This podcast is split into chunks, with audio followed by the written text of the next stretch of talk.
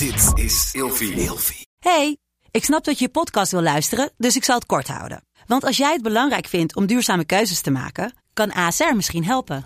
Nou hoor ik je denken, hoe dan? Nou, bijvoorbeeld bij het duurzaam herstellen van schade. Of de premies die we beleggen volgens ons duurzaam beleggingsbeleid. Dat bepaalt waar we wel en juist niet in investeren. Wil je meer weten over welke duurzame keuzes ASR maakt? Ga dan naar asr.nl slash duurzame keuzes. ASR doet het. Zo, dan kan je nu lekker naar je podcast luisteren.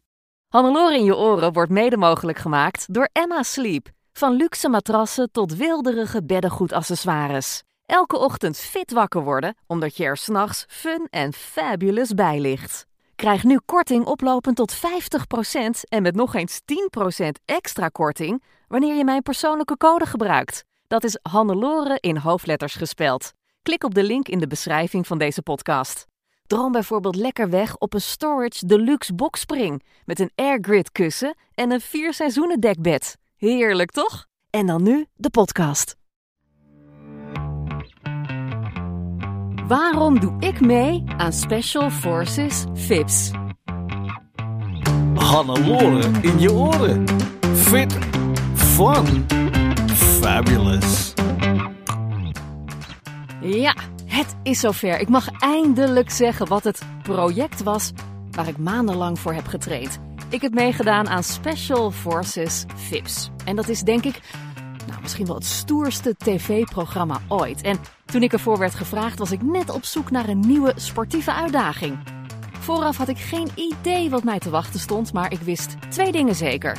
Ik ging bewijzen hoe fit en sterk ik hopelijk ben. En dit is een geweldige manier om je grenzen te verleggen. En daar hou ik zo van. Vooraf wist ik heel weinig. Ik wist niet eens wie de andere deelnemers zouden zijn, want alle voorbereidingen gebeurden in het diepste geheim. We kregen een uh, inspanningstest om te kijken of we het fysiek aankonden. We wisten wat we moesten kunnen qua fysieke kracht. En verder zou het vooral aankomen op mentale kracht. We werden op een zondagochtend naar Schiphol gebracht en daar zagen we eindelijk wie onze medestrijders zouden zijn. En daarna stapten we dus op het vliegtuig, waarna we uiteindelijk zijn beland in een hotel in Slovenië.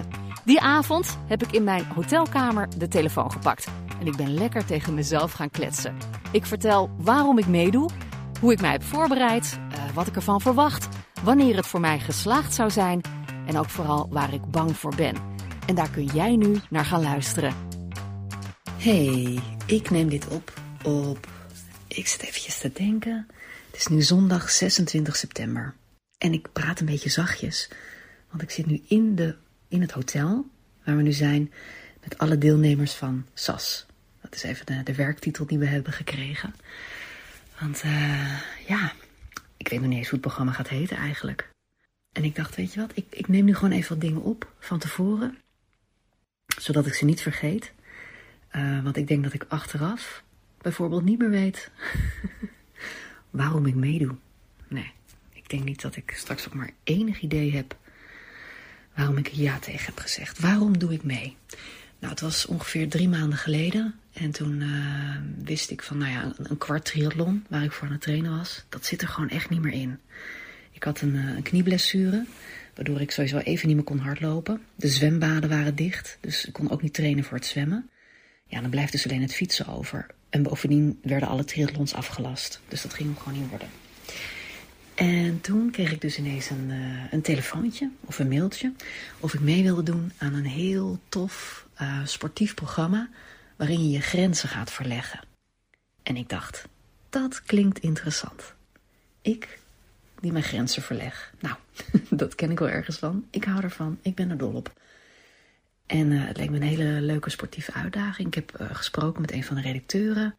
En uh, die stuurde ook een, een, aflevering van een buitenlands programma waar het voor een deel op gebaseerd is. Dat sprak me eigenlijk wel aan. Het zag er heel bruut uit. Mensen krijgen een soort militaire commando-achtige training. Heel heftig, maar wel super tof. En toen dacht ik echt, wauw, wat verschrikkelijk. Dit ga ik doen. ja, moet ik dat nog uitleggen? Nee, ik vind, um, kijk, ik ben, nu, ik ben nu 46. Sommige dingen moet je gewoon doen om, om uit je comfortzone te komen. ik had het al gedaan met die, met die triathlon die ik vorig jaar heb gedaan. Dat wilde ik dan dit jaar uh, nog uh, een tandje beter gaan doen, nog een tandje meer. Maar dat zat er niet in. En toen dacht ik, ja, zo'n programma, dat is echt wel een mooie kans om te laten zien, uh, ook vooral voor mezelf, hoe sterk ik ben geworden. Zowel mentaal als, als fysiek. En toen dacht ik, ik ga het gewoon doen. Vervolgens kreeg ik een lijstje thuis waarop dus precies stond wat ik moest kunnen qua basisskills, qua ja, algemene fitheid om mee te kunnen doen aan het programma. En dat waren, even uit mijn hoofd hoor, 30 sit-ups voor de buikspieren, 2 kilometer rennen in 12 minuten volgens mij, uh, of ietsje meer nog, 30 squats. Nou ja, ik dacht, dat lukt wel, dat kan ik, daar kan ik voor gaan trainen. Maar op het lijstje stonden ook 30 push-ups en 2 pull-ups. En dat gaat hem dus niet worden. Dus ik ben uh, begonnen met push-ups. En ja, het is dus een dag voor het programma. En ik kan 30 push-ups, maar wel op mijn knieën. dus dat is niet genoeg.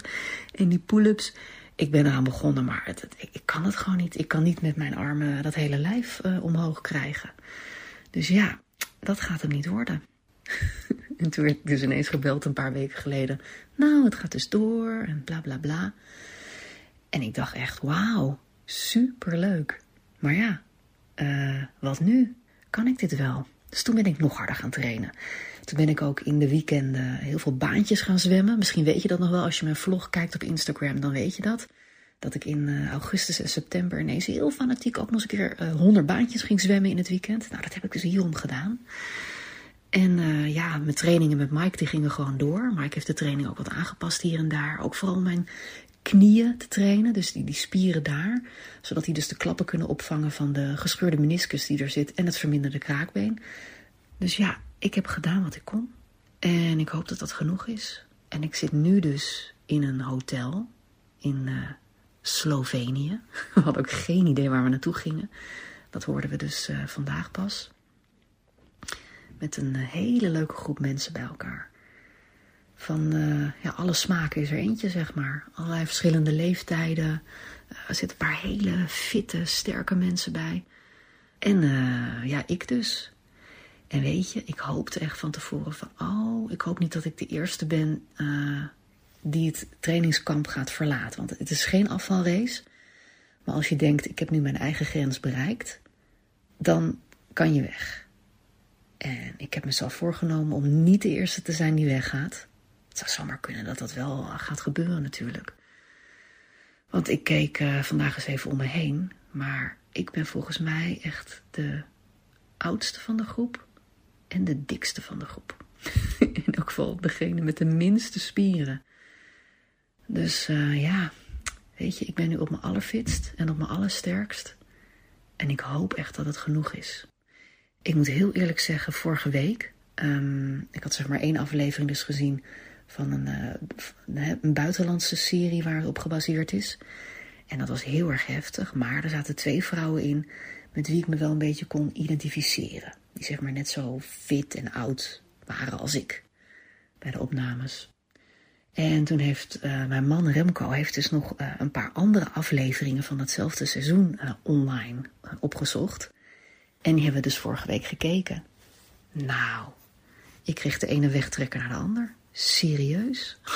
Die twee vrouwen van wie ik dacht, nou, die zit ongeveer in dezelfde league als ik.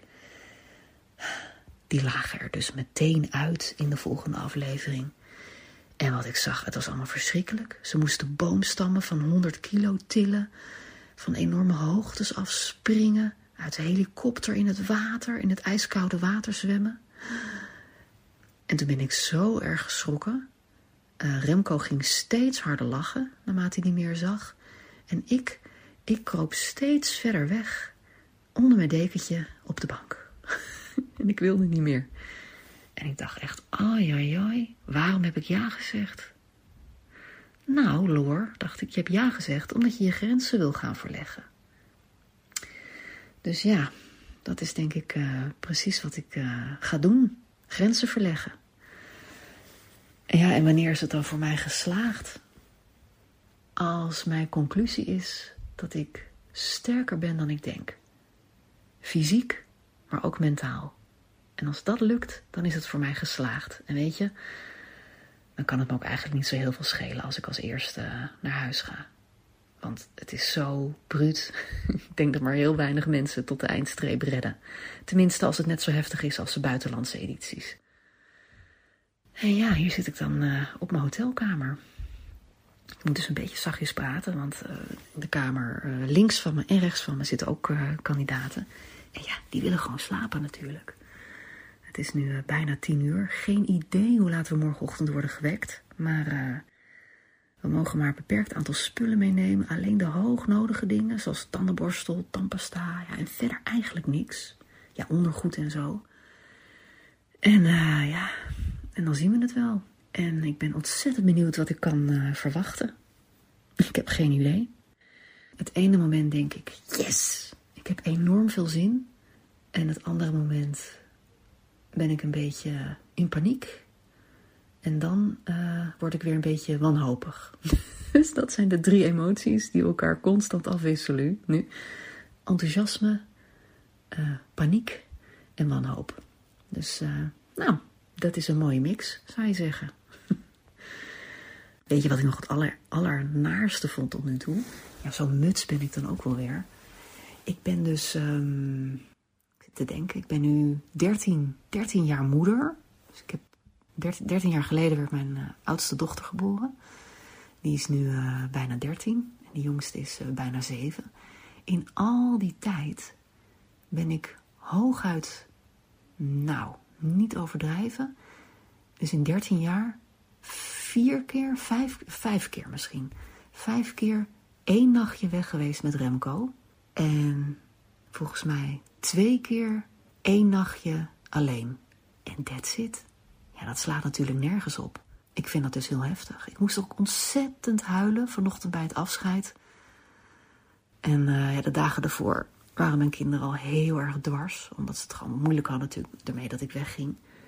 En uh, vooral die jongste, was, uh, die jongste was echt aan het huilen. Dus ik heb haar uitgelegd, ja, maar het is maar voor een weekje.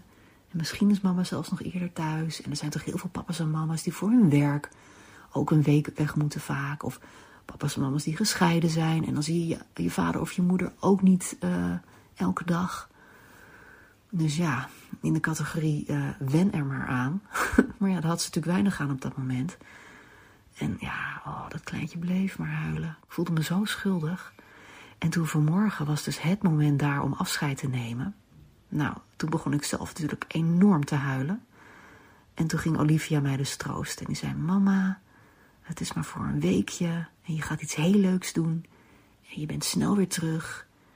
En we zijn hartstikke trots op je. Nou ja, toen ging ik natuurlijk nog harder huilen, dat snap je. maar uh, ja, dat was heel heftig. En verder, ja, ik ben nu echt uh, best wel ver van huis. En ik kom dus nooit meer ergens. Serieus.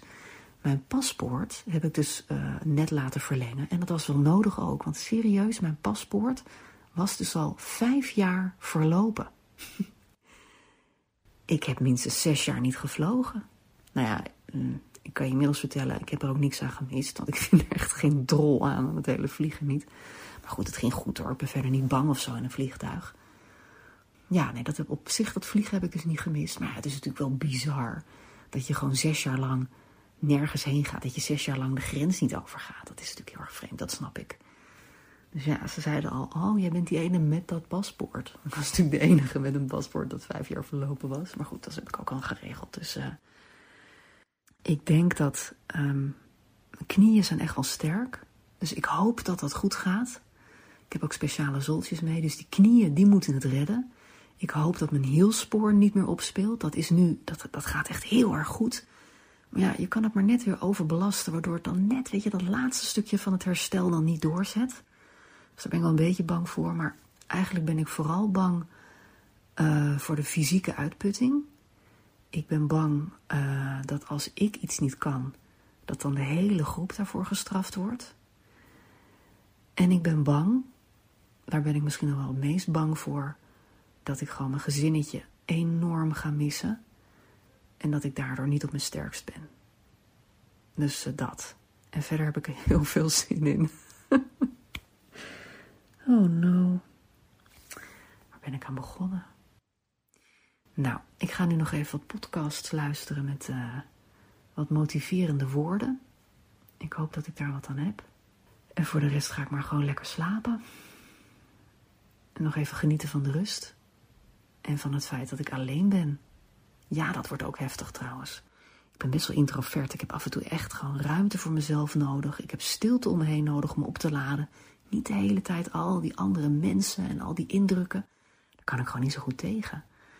En vanaf morgenochtend heb ik dus geen privacy meer. Ben ik constant omringd door mensen. Word ik constant fysiek en mentaal uitgedaagd. En ik kan dus niet meer opladen. Dus dat wordt ook heftig.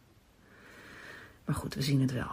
Heb ik er zin in? Jee. Zin, zin, zin. Woep, woep. Oh, ik weet het niet. Ik ga gewoon mijn best doen. Ik ga mijn best doen om mijn eigen grenzen te verleggen. En ik ga mijn best doen om jou te verrassen.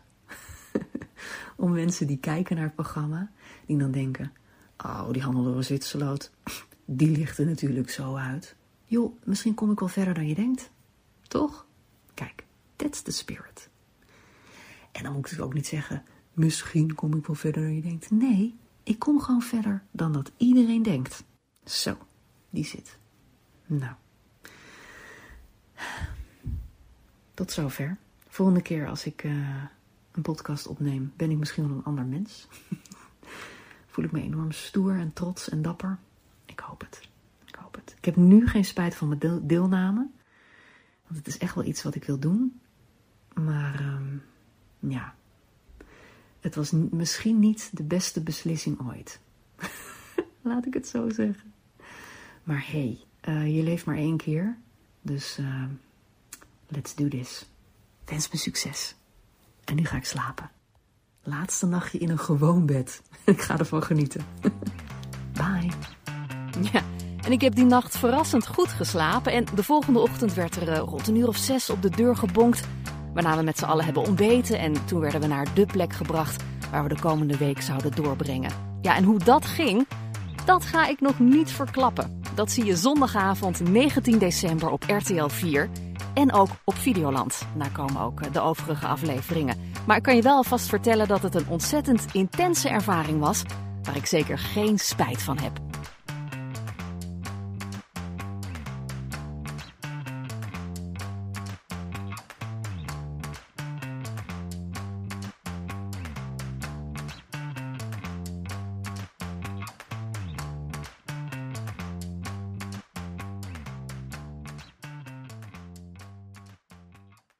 Hannelore in je oren wordt mede mogelijk gemaakt door Emma Sleep.